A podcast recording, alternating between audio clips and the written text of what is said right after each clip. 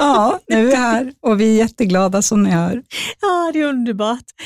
Och idag ska vi prata om något som jag är betydligt mer intresserad av än, än vad du är enligt dig själv. Ja, men absolut. Jag tycker ju om det här vi ska prata om. dofter ska vi prata ja, om idag. Jag tycker om, jättemycket om dofter. Jag tycker framförallt om folk som Luktar doftar gott. Män som doftar gott tycker jag. Oh, ja, det är härligt. Det är, det är bland det bästa. Men har du någon parfym på dig idag? Ja, det har jag. Mm, vilken har du? Libre, YSL. Och just den Jag älskar den. Ja. När jag har fått av vår kom, gemensamma kompis Chris. Ja, den är jag så fin. Jag älskar den alltså. Jag har på mig äh, Pradas äh, Paradox, den tycker jag också jättemycket om. Är det den nya? Det är den nya. Den är ganska kommersiell, men den är väldigt fin. Men jag kände det när jag kramade om dig när vi mm. såg, så att den, du hade en jättegod doft, men som var ganska lätt. Mm. Mm. Jag gillar lätta dofter. Jag kan nästan få lite så här huvudvärk av de som är för tunga. Kanske du får huvudvärk av min? Nej, jag tycker jättemycket om din. Ja, men du kanske får huvudvärk. Nej, inte ens det. Nej, vad bra. Men jag tycker att det är så spännande det här att dofter är kopplade till vårt minnescentra i hjärnan. Mm. Alltså vi, när vi luktar på någonting så kopplas det direkt in till hjärnan och lägger sig som ett litet minne. Det är därför vi kan jag kan älska en doft som du inte tycker om till exempel. Det kan ju vara att eh, jag tycker att, eh, nu tar jag bara ett helt påhittat exempel, att jag älskar lavendel för att det doftar min eh, mormors trygga hem till mm. exempel. Mm. Medan någon annan kanske tycker att det doftar som en eh, läskig lärare som hen hade i mellanstadiet. Alltså, allting är kopplat till olika minnen. Och Sen så tycker jag också att det är häftigt det här med doftens uppbyggnad, att den bygger på flera olika doftnoter som vi kallar det. Och De första noterna, det är de här första du känner när du börjar sniffa på en doft. Det är de allra lättaste och flyktigaste och försvinner ganska snabbt. De kallas ofta för toppnoter. Det kan till exempel vara olika citrusfrukter. Eh, och sen har vi mellannoterna, hjärtnoterna, ofta blommor, nu verkligen hårdrar jag det här. Och sen så har vi eh, basnoterna, de som sitter kvar lite längre och som ger tyngd till själva doften. Det är också sånt där, någonting jag tycker är jättespännande, lite som vin. Faktiskt. Ja, men precis. Det har du rätt i. En hel vetenskap. Nu blev du lite mer intresserad borta. började prata om vin också. Nej, men, nej, men det är ju, jag, jag, tror faktiskt, om jag ska vara riktigt ärlig, så tror jag eftersom jag har jobbat i branschen i 40 år med hudvård, mm. så har jag inte lagt så mycket eh, energi på att lära mig uppbyggnaden av dofter och just därför så ska det bli så otroligt intressant med dagens gäst. Jag ser alla möjligheter att lära mig lite mer. Oh ja. Och jag kanske, det kanske växer ett nytt intresse. Ja, och Linda Landenberg som kom, snart kommer in, hon kan ju precis allt. Hon är superduper cool, verkligen. Ja. Men eh, jag måste fråga dig också, har du någon sån särskild favoritdoft? Alltså ingen parfym, utan bara en, en doft? Hav. Ja. Mm. Hav och nyklippt gräs. Vad kopplar du det till? Varför ja, men sommar och lite ledighet och sånt. Mm.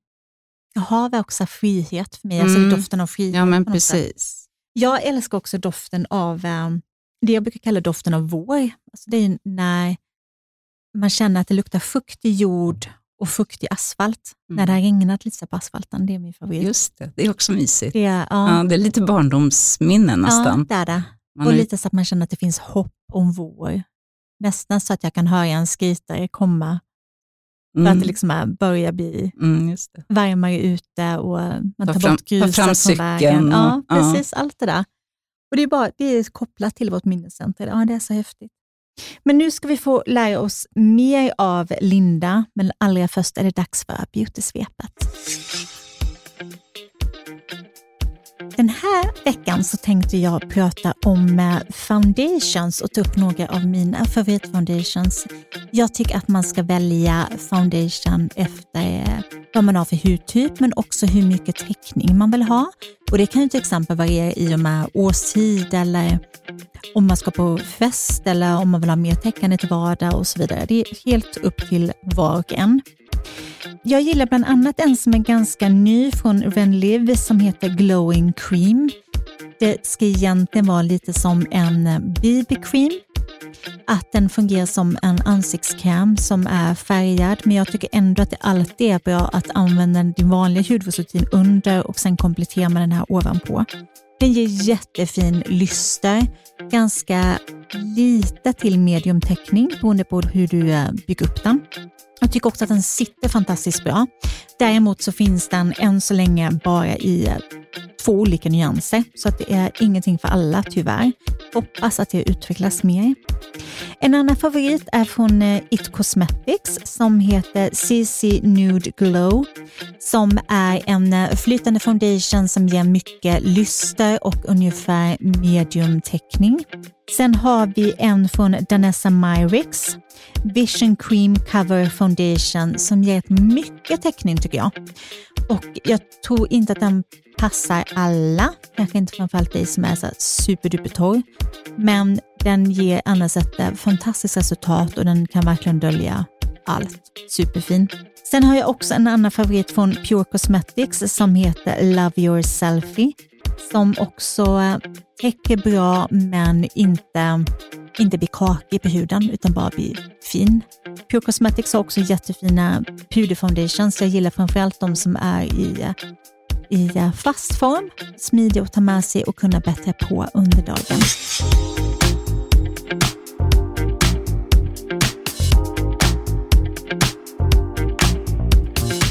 En välutbildad näsa med ett eget varumärke vars dofter har vunnit prestigefyllt pris.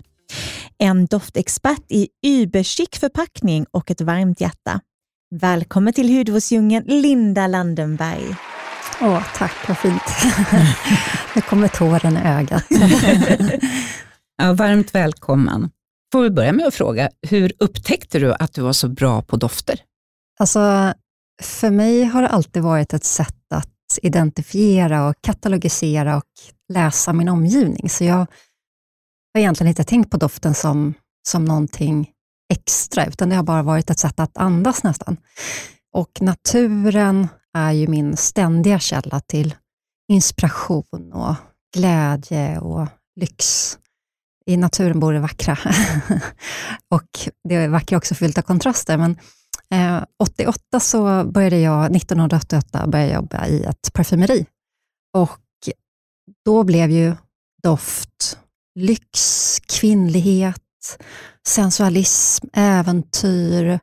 Eh, ja, där, där föddes väl liksom den här doften ur, ur det kommersiella perspektivet. Sen har det legat med där, eh, bubblandes som en, som en, som en vardag. Men var det direkt efter gymnasiet eller hur gammal var du när du började jobba där? Ja, men då var, precis, då var jag 14. Mm. Så det var ju under skoltid. Ja. Men det var ju varje helg, varje lov, år ut och år in. Wow, du måste verkligen ha format dig, tänker jag, när du började så tidigt också. Ja, men på olika sätt. Och dels så hade jag också eh, jättefina kvinnliga förebilder.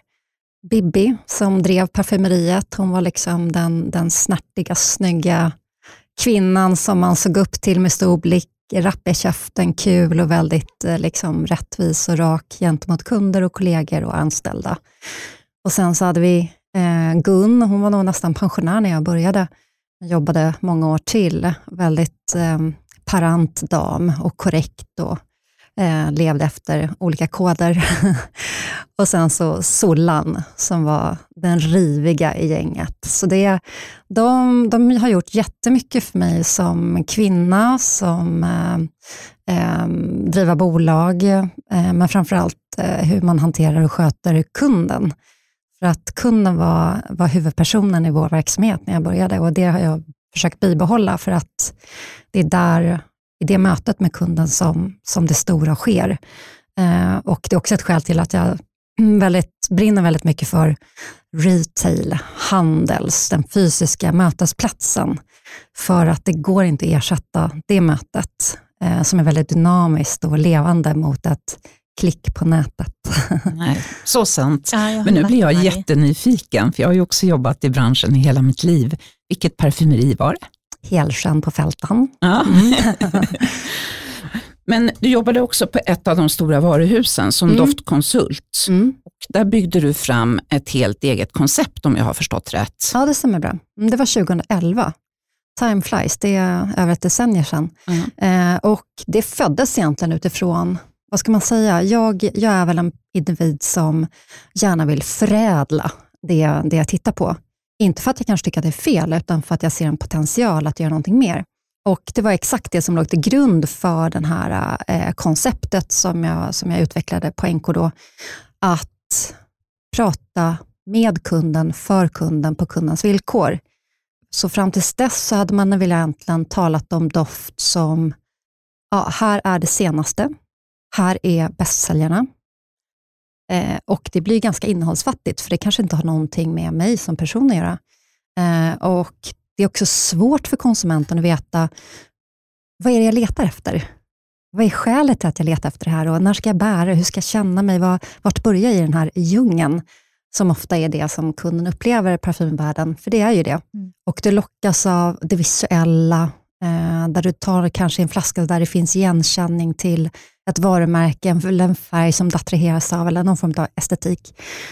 Men, men eh, med, med en, ehm, ett koncept där det bor, eh, vad ska man säga, en guidning, där jag som, som konsult kan då ta kunden i rätt riktning genom att först ställa lite frågor till konsumenten och sen så börja liksom sökandet och låta det få ta lite tid. För att det tar mycket kortare tid att investera eh, fokuserad, specifik tid än att eh, leta planlöst. Men vad var det för typ av frågor? Och mycket psykoterapi. Mm. nej, men, nej, men till att börja med så handlar det om att liksom, när ska du bära doften? Mm.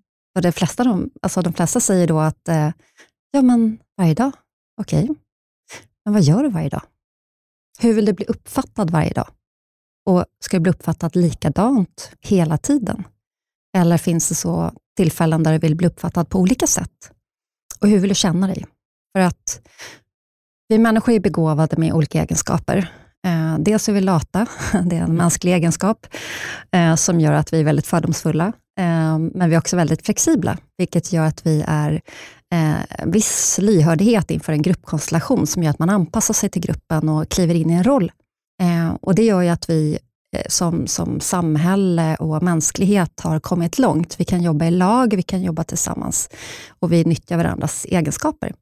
Eh, och Det gör ju också att mina egenskaper kommer lysa eh, mer eller mindre starkt beroende på eh, i vilken grupp jag är i.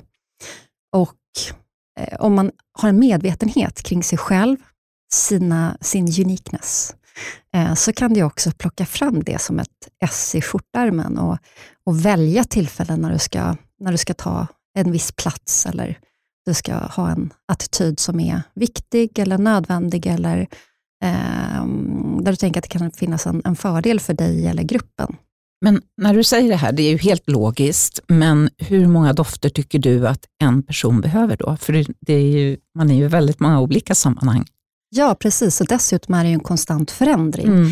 Du är ju inte likadan idag som du var för tio år sedan. Sen så kanske det finns, vi har ju ofta en, en, en fostran som ligger i ryggraden, som handlar om det kulturella arvet, både som samhälle och som familj.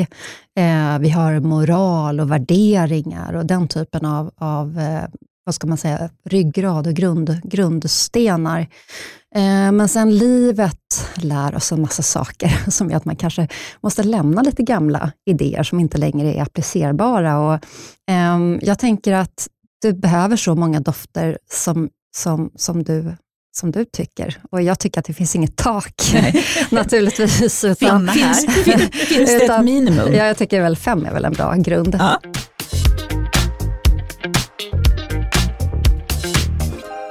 Jag har en annan fundering som jag kommer att tänka på. För jag, jag sitter i, eh, i en av jurygrupperna för Swedish Beauty Awards.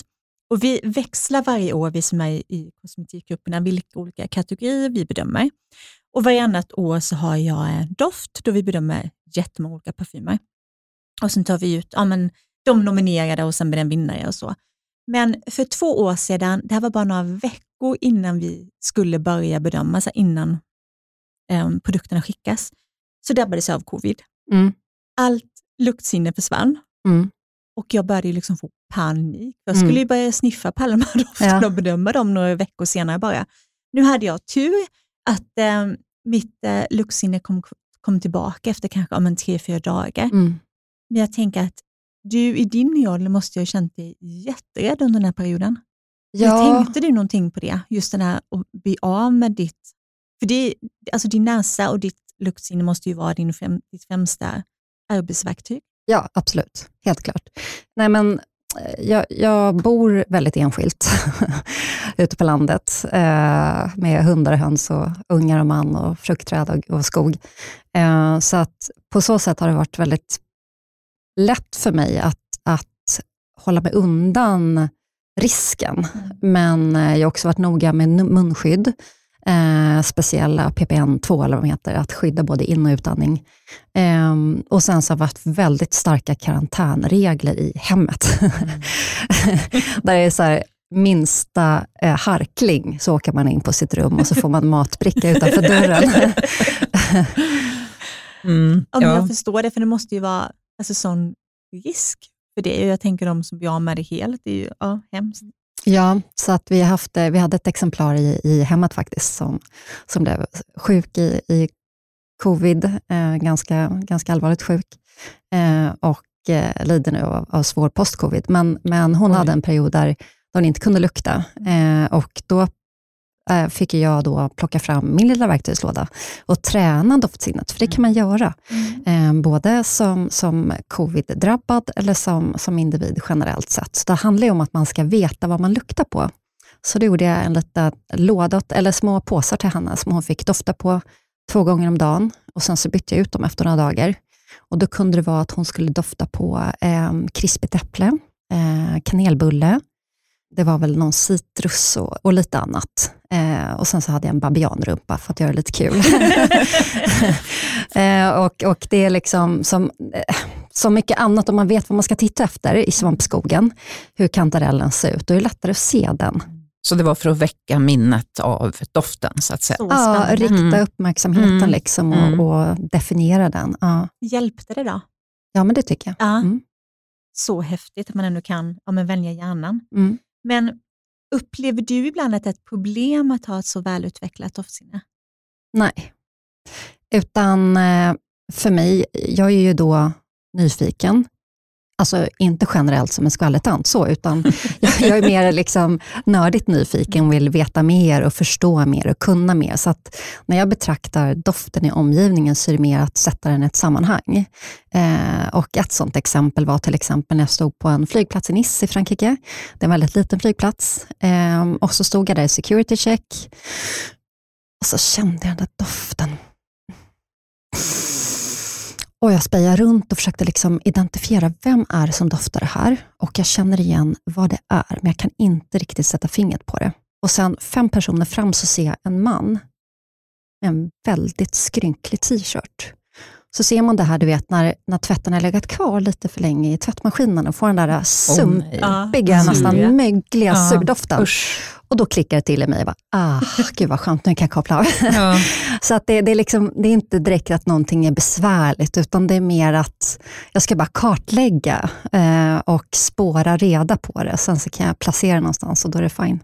Mm. Gud så häftigt. Men då upplever du, du får inte ont i huvudet av starka dofter? Eller så, Nej. Utan du går in i liksom din nördiga intresset även då? Ja, det var mer liksom att ibland så kan ju vara att jag kanske lyssnar mer efter molekyler efter än en helhet. Mm. Och Det kan ju kanske bli lite tråkigt, men eh, ja, det, man kan inte få allt. Jättehäftigt ändå.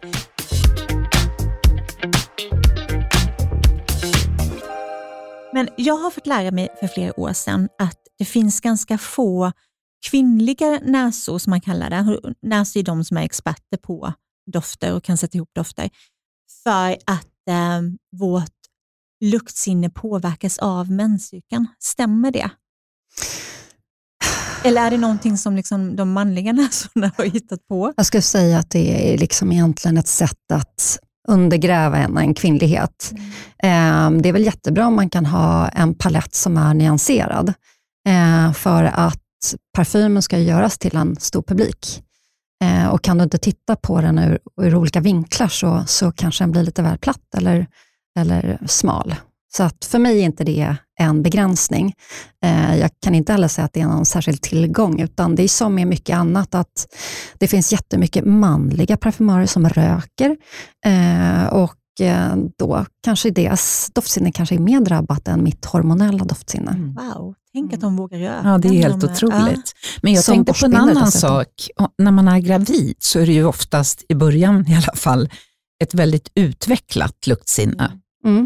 Skulle det kunna påverka att, man liksom, att det blir för mycket? För då kan man ju verkligen vara överkänslig för dofter. Nu är inte det så lång period i ens liv, men Nej, precis. Utan jag tror att det är större besvär för, för bäraren, alltså jag menar konsumenten, än vad det är för den som arbetar. ja, jag förstår. Men eh, när jag var gravid för jättemånga år sedan så, så jobbade jag inte som parfymör. Nej. men hur kom du fram till att du ville starta ett eget varumärke och, och ta fram alldeles egna dofter? Ja, men alltså, när, när jag började studera i Frankrike parfym, så var det många kunder på NK som var så här, eh, att ja, men Linda, du måste, du måste göra egna, egna parfymer och släppa eget varumärke.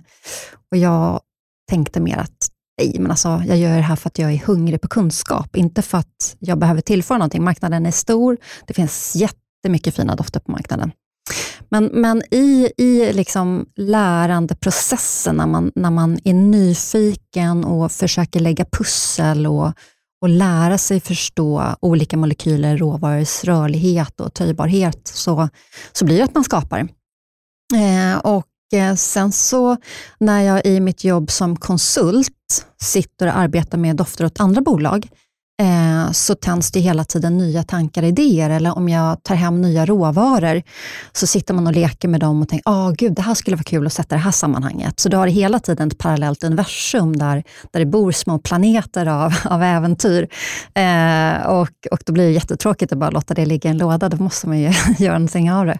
Så det, det är väl liksom grunden till att, att släppa någonting, att dela med sig av mina fantasier och mina, mina idéer och tankar och mycket av det jag gör är ju också med inspiration från, från, från livet. Det kan Mm. vara ett fragment eh, eller det kan vara någonting annat. Spännande. Ja, verkligen så spännande. Men jag vet ju hur krokig och lång väg det är att ta fram en ny hudvårdsprodukt. Mm.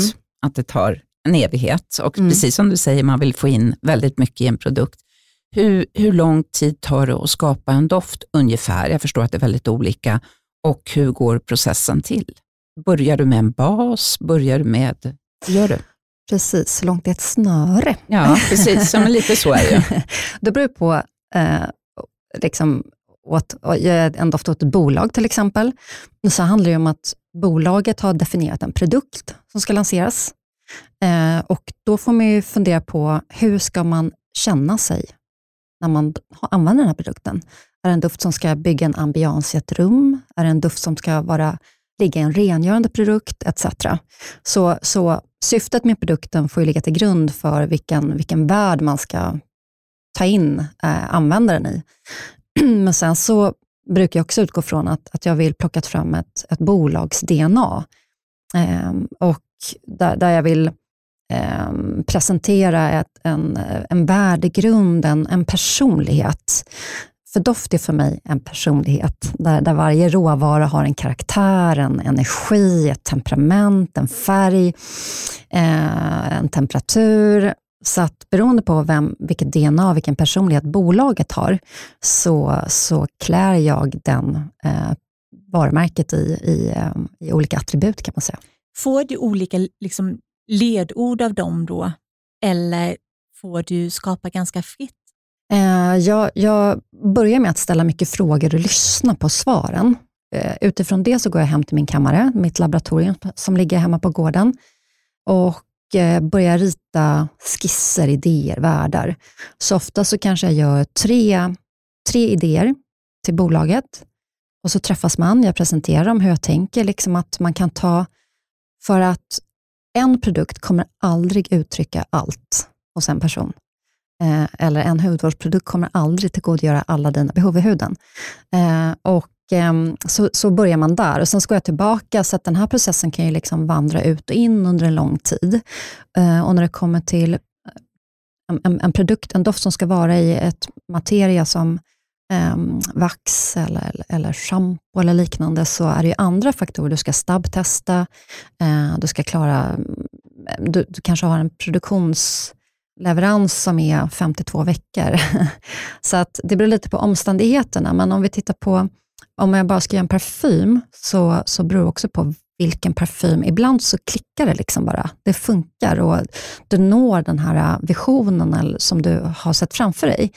Eh, men om jag ska göra någonting som är liksom med respekt mot, mot naturen, som en doft av liljekonvalj. Liljekonvalj är en blomma som, som vi inte kan destillera. Vi kan inte, vi kan inte återvinna doften, utan varje parfymör måste skapa sin egen blomma. Och Det gör ju att, att, eh, att den processen för mig, när jag gjorde en sån doft, tog väldigt lång tid, för att blomningstiden är ju bara en gång per år och den pågår i några veckor. Så då ligger jag där ute i backen. Först när knopparna brister eh, och doftar på vad är det första som hörs liksom, eh, i det här skira, oskuldsfulla, eh, darrande eh, starten. Eh, och sen så hur, hur doftar den i, i full blom och hur, hur doftar den när, när den är på väg att, att vissna och hur, hur, är, hur är restprodukterna av, av blomman när den är torr. Så då läser jag liksom molekyltransporten liksom från, från start, vilka molekyler hörs där och sen så tar jag det hela vägen eh, tills det är klart. Eh, och Då går man in och ut i, ehm, eh, i den här processen. Ehm, skissar, letar i huvudet och söker i sitt kartotek. Vad, vad, liksom, vad vill jag tillföra? Vad saknas? Eh, så den doften tog två år. Mm. Oj. Men vilka bolag har du eller varumärken har du skapat doft för, förutom ditt egna? Jag pratar inte om mina kunder. Nej, nej. De får prata om mig. Men, men jag gjorde till exempel en doft till, till Nordiska museet, där de hade en utställning om eh, en franska coutureverksamheten på ett varuhus i Stockholm. Och då ville jag ju fånga en era, mm. en känsla. Och då gick jag, utgick jag dels från ett svartvitt kort, på en, en kvinnlig modell som liksom fångade mig och jag tyckte hon stod för elegans, sofistikerat. Det, liksom var, det, var, det var någonting så vackert eh, i det. Eh, tillsammans med en journalistcitat från kanske 40-talet eller liknande, där hon skrev om hur hon upplevde att komma in i den här eh, miljön med eh, liksom sidenklädda väggar, ett tjockt smatt äta. Och liksom, mm. Så då, då låg det till grunden för eh, den doften. Eh, men jag ville ju inte göra en utdaterad doft, utan jag ville göra en doft som är up to date. Så att då, då gick jag från eh, liksom klassiska element eh, och vävde in lite nutid.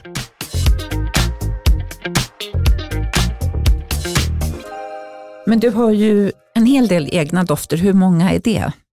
Har tagit fram som jag har ditt, e- lanserat. Ja, i ditt eget varumärke som du har lanserat. Ja, precis. Eh, jag har egentligen två varumärken, men, men eh, får se nu. Eh, sju, åtta, nio, tio. Ja, men säg att jag har lanserat 13 Mm. dofter i eget eh, varumärke. Ja. Har du Sen någon favorit? det beror på hur jag vill känna mig. Ja, men är det någon som göra? står dig lite varmare om hjärtat? För så kan det ju vara när man ja, har tagit precis. fram någonting, att Nej, man men, älskar något lite ja, mer. Ja, det var ju en doft som jag gjorde för mitt bröllop till exempel, så den, den har ju en högre position för ett speciellt tillfälle. Liksom. Mm. Ja. Härligt. Hur får man en doft att sitta så bra som möjligt? Mm. Det där är ju en, en fråga som för mig är lite märklig. Eh, och då menar jag så här. En doft bärs för att den ska ge dig en känsla, att du ska känna ett välbehag, en lyckorus, en sensualism eller att du ska vara ja, strålande. Och Det är ju någonting som du upplever när du applicerar doften. Då kliver du in i den här eh, ryggraden, kostymen. Och hur länge en doft sitter på huden, eh, då måste du först ställa dig frågan, vad är min förväntansbild? Och när du själv har gett dig svaret på det, så kommer nästa fråga, av vilken anledning är det en förväntansbild att den ska sitta de här timmarna? Vad är syftet med det? eller så? Eh, och Sen så kommer fråga nummer tre. Eh, om din förväntansbild ser ut så här, och du har definierat att du tycker att det bara borde vara så. eh, hur ser appliceringen ut? Tar ett litet sprutt som du sen försöker gnugga in och fördela mm. mellan handlederna och smeta in på halsen. Ja, då kan man väl tänka, varför ska de dropparna sitta i åtta timmar? Eh, applicera mera, men, men definiera av vilken anledning ska lukta så länge. Eh, för att det är ju ett äktenskap mellan dig, din hud, din livsstil, eh, din person eh, och Ehm, molekylerna och in, in, ingredienserna i parfymen, där varje råvara har en livstid och det blir en kemisk reaktion helt enkelt. Så att vissa, vissa råvaror kommer brytas ner fortare på din hud och det kan vara svårt för dig att veta vilka det är. Eh, och Det hjälper inte att du försöker leta efter någon koncentration, utan en, en eau de toilette med råvaror som funkar för dig kan sitta minst lika länge eller längre än en parfym. Så det, är inte, det är inte det som är viktigt, utan jag tycker att eh, fokusera på att du ska känna att den tillför dig någonting som människa. Och Sen så får du väl bara applicera lite mer under dagen. Eller om du lever efter filosofin doftgarderob, så byter du vid lunch. Men då tänker jag, när man ska ha så många dofter, eh, hur länge håller en flaska hemma i? Alltså hur många år? Kan man ha den ett år, två år? Då kommer samma svar igen. Det beror på vilka råvaror parfymen Aha. innehåller. Eh, vissa, vissa råvaror är känsliga för ljus och temperaturer. Andra råvaror är inte det. Eh, så att, eh, det bästa sättet då att förvara en doft är att hantera den som ett vin. Mörkt och svalt. Du behöver inte ha den i kylskåpet. Eh, om det inte är så här, den här ska jag spara i 15 år, för jag vill att min dotter ska gifta sig i den här, då, ja, men då kan du göra det. Men, men annars så skulle jag nog väl säga, lev livet, använd grejerna, ha lite kul, byt, eh, byt ut dem. För att även om du älskar den här och värderar den så högt idag, så är den förmodligen emotionellt bundet till någonting. Och det tillfället eller den platsen kanske inte är kvar där om fem år. Nej, det är sant. Ja, väldigt klokt. Fast ibland kan man ju faktiskt känna, jag har någon person i min närhet som man känner att kanske har du eh, haft den här parfymflaskan något för länge.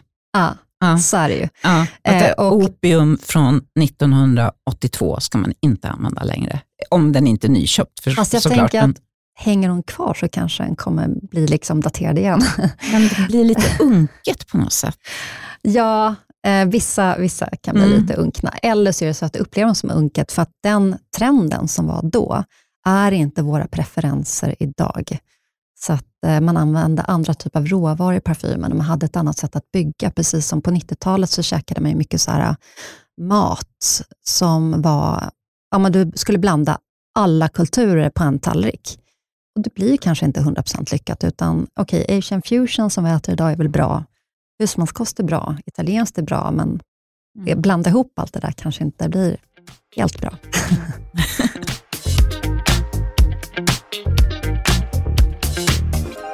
Det här avsnittet av hudvårdsdjungeln sponsras av ingen mindre än Excuviance Professional. Och det är faktiskt det första proffsmärket som jag kom i kontakt med för många år sedan. Det är resultatsinriktad hudvård som kombinerar produkter för hemmabruk med behandlingar hos auktoriserade hudterapeuter. Det är en avancerad hudvård som med hjälp av bland annat AHA och PHA stimulerar huden och bidrar till ökad fuktnivå, förbättrad hudstruktur som också blir jämnare och en starkare hudbarriär som gör huden mer motståndskraftig. De har ett eh, brett produktsortiment så det finns någonting för alla. Men bäst hjälp får du om du går till en auktoriserad hudterapeut. Och Du kan också gå in på Excuvians egna hemsida och köpa produkter där om du vill köpa online och ändå stödja din lokala hudterapeut. Jag har testat en nylanserad produkt från eh, Excuvians Professional som heter Tone Correcting Vitamin C Serum som innehåller bland annat PHA och vitamin C som jobbar väldigt, väldigt bra tillsammans. PHA hjälper till att exfoliera huden så att C-vitaminet lättare absorberas. Den här produkten hjälper till att jämna ut hudtonen, ger ett eh, optimalt skydd mot yttre påverkan som fria radikaler och ger också en eh, ökad cellförnyelse och en exfoliering som ger väldigt fin lyster och spänst i huden.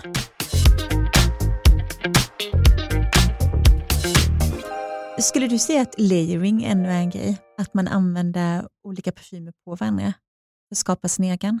Ja, jag vet inte om det är journalisterna som vill göra en trend eller om det är konsumenten som vill göra en trend. Jag har inte riktigt rätt ut det där. Men, men jag skulle säga så här att om du tycker att det är roligt så go for it. Eh, även om alla parfymörer, inklusive mig själv, tycker att nu har jag liksom jobbat fram någonting som är komplett. Den här doften um, speglar det här. Så vet jag också, eftersom jag har mött tusentals kunder genom åren, att även om parfymören har skapat någonting, så behöver inte det betyda att det är så doften kommer landa på din hud. Utan eh, det är vanligt att man kanske tycker att, åh, jag älskar den här doften, men ah, jag skulle vilja ha lite mer djup. Ja, ah, perfekt. Men då är ju layering ett jättebra exempel, för då kan du hålla kvar den här känslan som du tycker om i doften som du bär, men du kan addera någonting. Addera lite bas, addera lite värme, addera lite sötma eh, helt enkelt. Så att jag tycker att det, det är inte fel, eh, utan är det bra för dig så är det bra för mig. är du glad är jag glad. Men är det någon doft du aldrig själv skulle kunna använda som finns på marknaden? Jag behöver inte säga ett märke, utan jag tänker mer en typ av doft, blommig. Nej, ingen doftfamilj. Nej. Eh, det skulle jag inte säga. Någon doftnota? Nej, eh, inte det heller. Så skulle jag väl säga att jag kanske inte är så mycket citrustjej, utan det skulle vara rätt citrus. Mm. mm. Så att det är liksom så här, nej, jag har inga speciella råvaror. Det är mer, jag skulle nog säga så här, att om en, om en doft, om jag upplever att en doft ligger lite utanpå mig, då kanske, då kanske det inte är lika trevligt att vandra runt i den. Då känner man sig, inte, då känner man sig lite utklädd. Mm. Ungefär Sant. som när man kommer på att den här kjollängden funkar inte för mig längre. Då ser jag utklädd ut, ser ut som en desperat 50-taggare, liksom, som jag snart är. Eh, ja. Men hur hittar man som konsument den perfekta doften? Ja, men först måste du ställa dig själv frågorna. När ska jag bära doften? Mm. Hur vill jag bli uppfattad i det sammanhanget? Är jag på min arbetsplats, där de flesta, eller om man studerar, det är liksom där man tillbringar sin dag, så har man ju en eller flera roller som man spelar. Och Då menar inte jag att du är fejkad, utan att du, liksom, du har ett beteende som är anpassat för, för behovet. Och Är du till exempel en kreatör, så kanske du behöver en stimula för att vara kreativ, att gå in i det själv. Är, jobbar du med HR och personalfrågor, då behöver du vara en lyhörd individ som inte tar för mycket plats. Um, är du en exekutiv person som ska fatta snabba beslut, ja, men du kanske behöver stöd i det. Uh, men vissa personer kan också ha en extremt stark personlighet när de går in i rummet. Uh, och Då kan, kan det också vara fördelaktigt att såga ner den där personligheten lite, runda kanterna för att låta andra ta plats. Mm.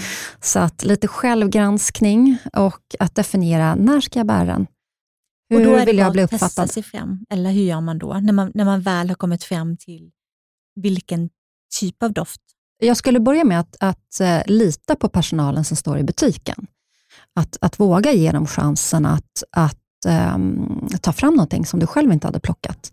Och när du får någonting rekommenderat, ha ett öppet sinne, för det är jättelätt att döma någonting på grund av att det är fel varumärke, eller det är fel färg, eller flaskan ser inte snygg ut där framme. Skit i det. Det är innehållet som räknas, precis som hos oss människor. Eh, och eh, Därefter så får man också vara lite systematisk. Ta en doft i taget, spraya, räkna till tio, för att annars så kanske du kraschar nätan, näsan i första sniffen. Eh, dofta på den här pappersstickan, reflektera och tänk, när ska jag bära den här? Vänta med svaret, ta nästa doft, så gör du så med tre till fem stickor till exempel. Och sen så när du har gjort det, då har du passerat första intrycket. Första intrycket handlar om att du ska gå igenom hela ditt register med fördomar. Och Fördomarna granskas ju på din empiriska kunskap, alltså vilket, vad, har jag, vad har jag lärt mig av livet? Eh, och Då försöker man placera nya saker i det man känner till. Det vill säga man försöker koppla det till en trygghet. När du doftar på någonting andra gången, då har du passerat första intrycket och då kan du börja ta till dig om hela personligheten i doften. Så då ställer du frågan igen, när bär jag den här? Och hur känner jag mig när jag bär den här doften? Och Då blir det ofta så att man får en bild framför sig, att man är på en plats. Eh, och Då kan det vara så att, men gud, jag tänkte att det här skulle vara för jobbet, men det är det ju inte. Det här är ju när jag gör det här. Gud vad roligt. Eller så kan det vara att man bara, ja, alltså jag, den är nice, men det här är mer min kompis Karin. Mm. Så. Och har du inte valt bort en doft så har du heller inte valt en specifik doft. Så att, eh, ta liksom fem stycken och välj mellan. Men, men, när du säger att ta fem stycken, kan man liksom ta till sig doften på fem stycken? Jag kan tycka när jag provar olika dofter att efter ett par, tre, så, så klarar inte jag riktigt mer. Nej, och då Kanske får man ju är dålig lite... på det. Nej, men ofta så är man ju inte så metodisk. Nej. Utan det vanligaste jag ser på, på, i butikerna eller på flygplatsen, det är att folk sniffar fram och tillbaka som besatta och liksom hoppar från en doft till den andra doften, till den första doften, till den andra doften, till den första doften, till den andra doften. Och sen så, nej, jag kan inte känna något mer. Nej, Nej, jag kanske- förstår det. det För kanske är så jag gör. din hjärna är i kaos, Mm. så ta det lite lugnt. Liksom. Ja. Var systematisk, dofta på en i taget. Mm. Fundera på vad det är du känner också. Gå inte bara till, luktar det gott eller luktar det illa? Det är inte den tanken du ska ställa, utan vad känner jag? Hur, Mm. hur upplever den här doften? Vart är jag någonstans? Och är det här jag kanske? Ja, precis. Och det, Mm. det blir det svaret du, du kommer Mm. fram till. Eh, om du bara ger dig... Det, ja, det tar inte mer tid. Nej. Men om du har strukturerad tid så får du mycket mer ut av det.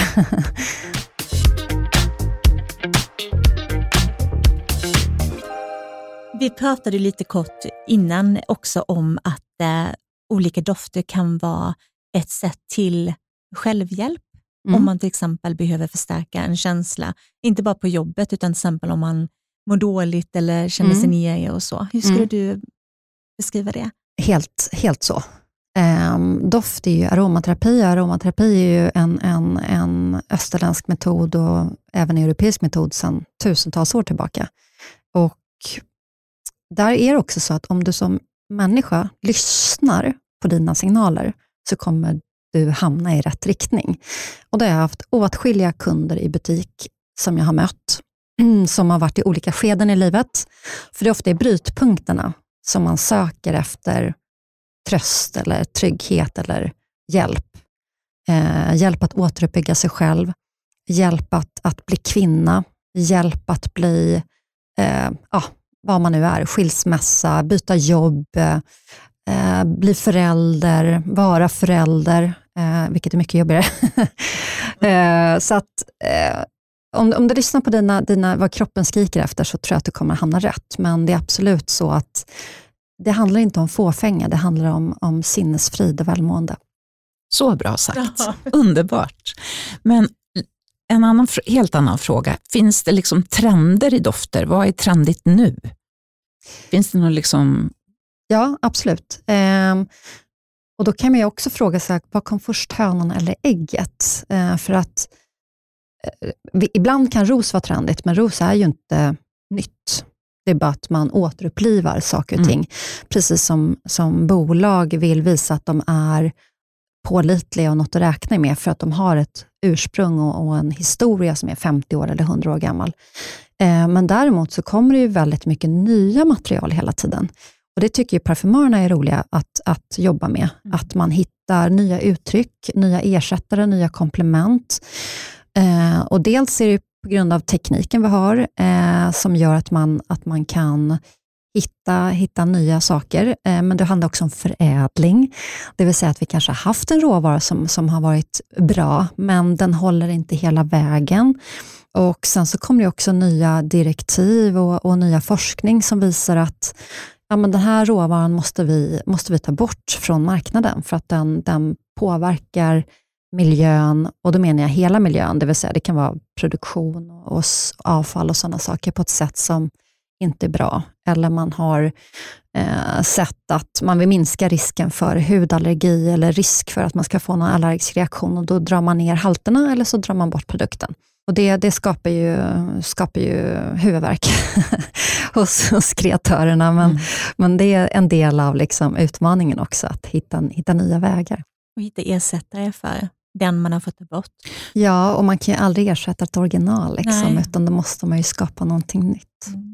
Nu kommer jag på en annan sak. Inom hudvårdssegmentet så pratar man ju nu mycket, ibland måste man ju tyvärr tillföra en doft, även om alla vill ha doftfria hudvårdsprodukter. De tror att de vill ha doftfria. Ja, precis. Jo, men så är det ju. Men eh, då pratar man ju mycket idag om icke-allergena dofter som man tillsätter till, till hudvårdsprodukter och ja, allting egentligen, kemiskt tekniskt. Eh, och då har man tagit bort de mest allergena. Men vad menas med icke-allergen parfym? Vet du det? Eh, ja, men alltså, hur ska man säga? Det, det bor ju en, en, till att börja med så måste man reda ut vad är, vad är en råvara? Eh, och det bor en romantisk bild där man tänker att åh, naturligt är så fint, men den naturliga råvaran är också den mest aktiva och reaktiva råvaran. Och om vi tittar på en ros till exempel, som innehåller kanske 400 doftmolekyler, så, så är det flera av de molekylerna som är allergena. Det vill säga att de kan, de kan irritera dig på något sätt. Även om det är mikroskopiska halter, för att i en parfymflaska till exempel så har det mellan 80 och 30 procent parfymolja. Eh, och är det 0,1 procent ros så är det ju, ja, du kan inte ens föreställa dig vilken liten mängd det är av den här molekylen. Så risken är extremt liten.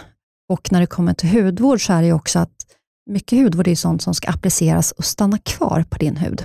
Och Det gör att, att en, en råvara eller en molekyl då kan, kan få tillfälle att finnas där längre.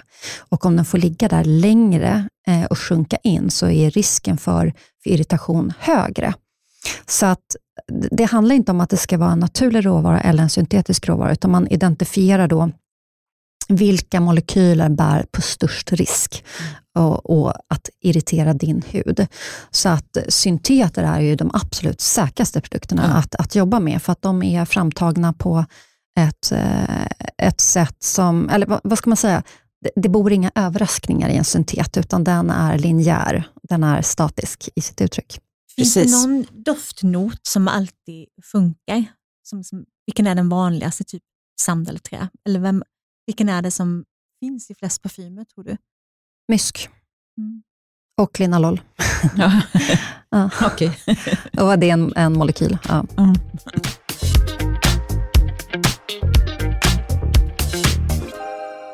En annan doftnot som jag också tycker har blivit väldigt populär är bärnsten. Det känns som att man ser en hel del om den. Ja, och det Hur är ju, det? Nej, men det gör det ju inte. Utan, um, det du pratar om nu är det man kallar för amber.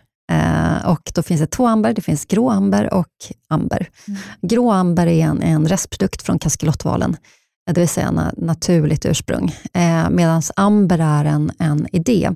Eh, och då pratar vi om det som heter ett ackord. Ett ackord är när du bygger en, en tavla, kan man säga. Eh, om du vill ha Monet i parfymen, så kan du inte bara lägga i färgen lila, utan du måste lägga i flera penseldrag. Eller om man ska titta på matlagning så har vi ju en krydda som heter curry. Eh, curry skulle jag säga att alla människor har säkert en smakpreferens till curry. Men curry är inte en krydda, det är en blandning av 14-17 olika kryddor. Och det är vad amber är. Amber är en blandning av olika typer av råvaror för att skapa en, en upplevelse. Eh, där det är, tidigare så pratade man orientaliskt, nu är det ett värdeladdat ord. Eh, så att det är liksom mörkt kryddigt.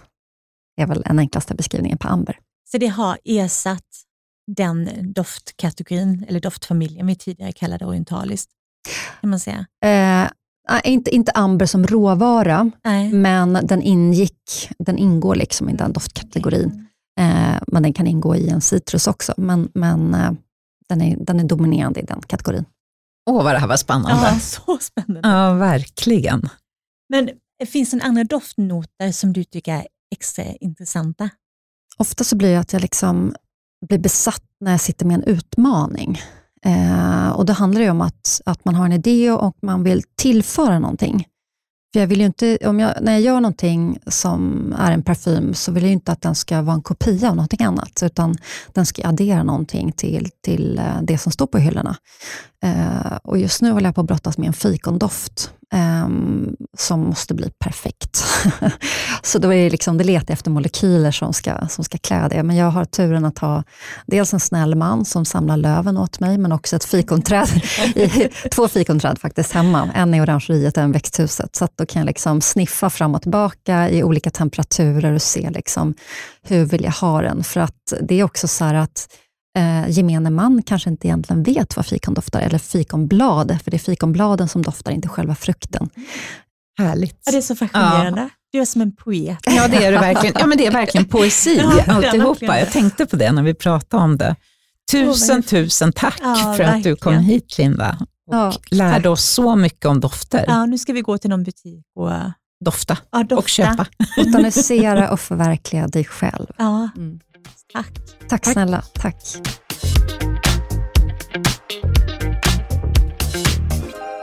Vilket intressant program med Linda. Ja, alltså precis som du sa innan, att vad intelligent hon är. Ja, vilket djup. Ja, Och det är som poesi när hon pratar Ja, om doftnoter och... Ja, jag blir fascinerad av att ehm, hon har sån otrolig passion för sitt yrke. Hon har verkligen hittat rätt. Men jag, jag tänkte, om ett exempel är, vi sniffade ju lite på hennes eh, nyaste doft från eh, Saver som precis har kommit ut, som eh, heter Rose and Shadow tror jag. underbar. Ja, väldigt fin. Och då så berättade hon att hon hade skapat den med inspiration av sin. Var det? Ja. Hon, plockat ner, hon har plockat ner vinteräpplen, Röda. som, ja, de här krispiga som hon har lagt i sin jordkällare och så har hon tagit noter från det. Ja, och sen när man går ut från jordkällan så har hon en rosenbuske där. Ja. Så hon har liksom kombinerat de dofterna och det kändes verkligen. Men sen så när jag hade haft på mig den en liten stund så sa jag till er att jag tyckte att den kändes lite, lite kexig. Mm. Det var någonting i det som luktade lite kex. Ah, kan det vara vanilj, sa du? Nej, så kom Linda och sniffade på min arm och hon sa det, nej, men alltså det är, det är som eh, själva ytan i eh, brödet när du bryter ett nygräddat bröd. Mm. Och man säger, ja, just det. Den ytan. Ja, hon fångar det direkt. Ja, Liksom. precis. Det är helt fascinerande. Väldigt Mm. så nördigt och härligt. Underbart. Ja, nu får vi gå till en butik och eh, kanske hitta en ny favorit. Jag tror det faktiskt. Och bredda oss lite och fundera lite på i vilket sammanhang vi ska ha doften och ja, Hur vi vill känna oss. hur vi vill känna Ja. oss i rummet. Ja, mycket intressant. Ja. Glöm inte att eh, prenumerera på Ljudvårdsdjungeln och följ oss. Då blir vi jätteglada. Och ni får gärna dela avsnitten med andra så det sprider sig. Precis. Ha en fin vecka så länge så hörs vi Hej då. om en vecka igen. Hej då!